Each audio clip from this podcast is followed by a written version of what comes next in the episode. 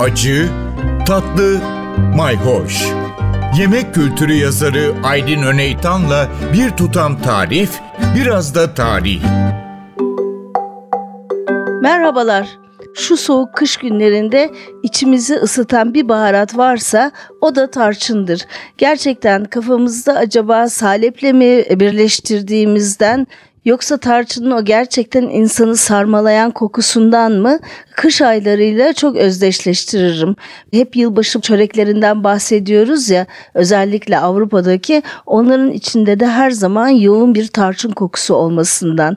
Ama Osmanlı mutfağına da bakarsak orada da et yemeklerinde aslında hep tarçın var ve bugüne kadar da aslında tarçın kullanımı giderek azalsa bile zeytinyağlı dolmalarda bazen pilakilerde, tuzlu yemeklerde de devam ede gelmiş. Evet bazen köfteye bile bir çimdik tarçın koyarız ve köftenin tadı değişir.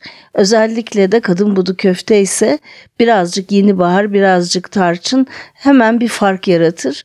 Evet bizim mutfağımızda Osmanlı döneminden beri tarçın ve özellikle onun eşlikçisi diyeceğim karabiber birlikte çok kullanılıyor.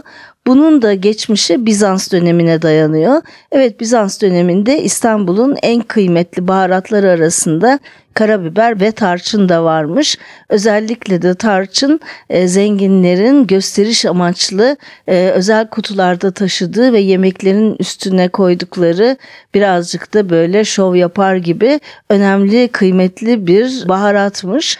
E, bunun böyle olmasının sebebi de aslında tarçın antik Mısır, antik Yunan dönemlerinden beri biliniyor. Fakat ticarete o zamanlarda her zaman Arap tacirlerin elindeymiş. Bizans İmparatorluğu'nun son dönemlerinde farklı bir kanal bulunmuş ve özellikle de Osmanlı döneminde Osmanlılar direkt olarak Hint Okyanusu'ndan tarçını getirmeyi başarmışlar.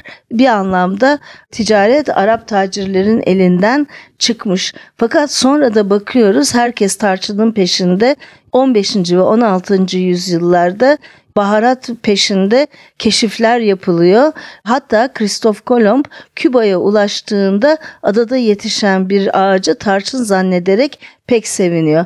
Ağaç dedik evet tarçın aslında bir ağaç kabuğu. Zaten Osmanlı döneminde tarçın değil darçın deniliyor veya darçın. Bu da Farsçadan geliyor.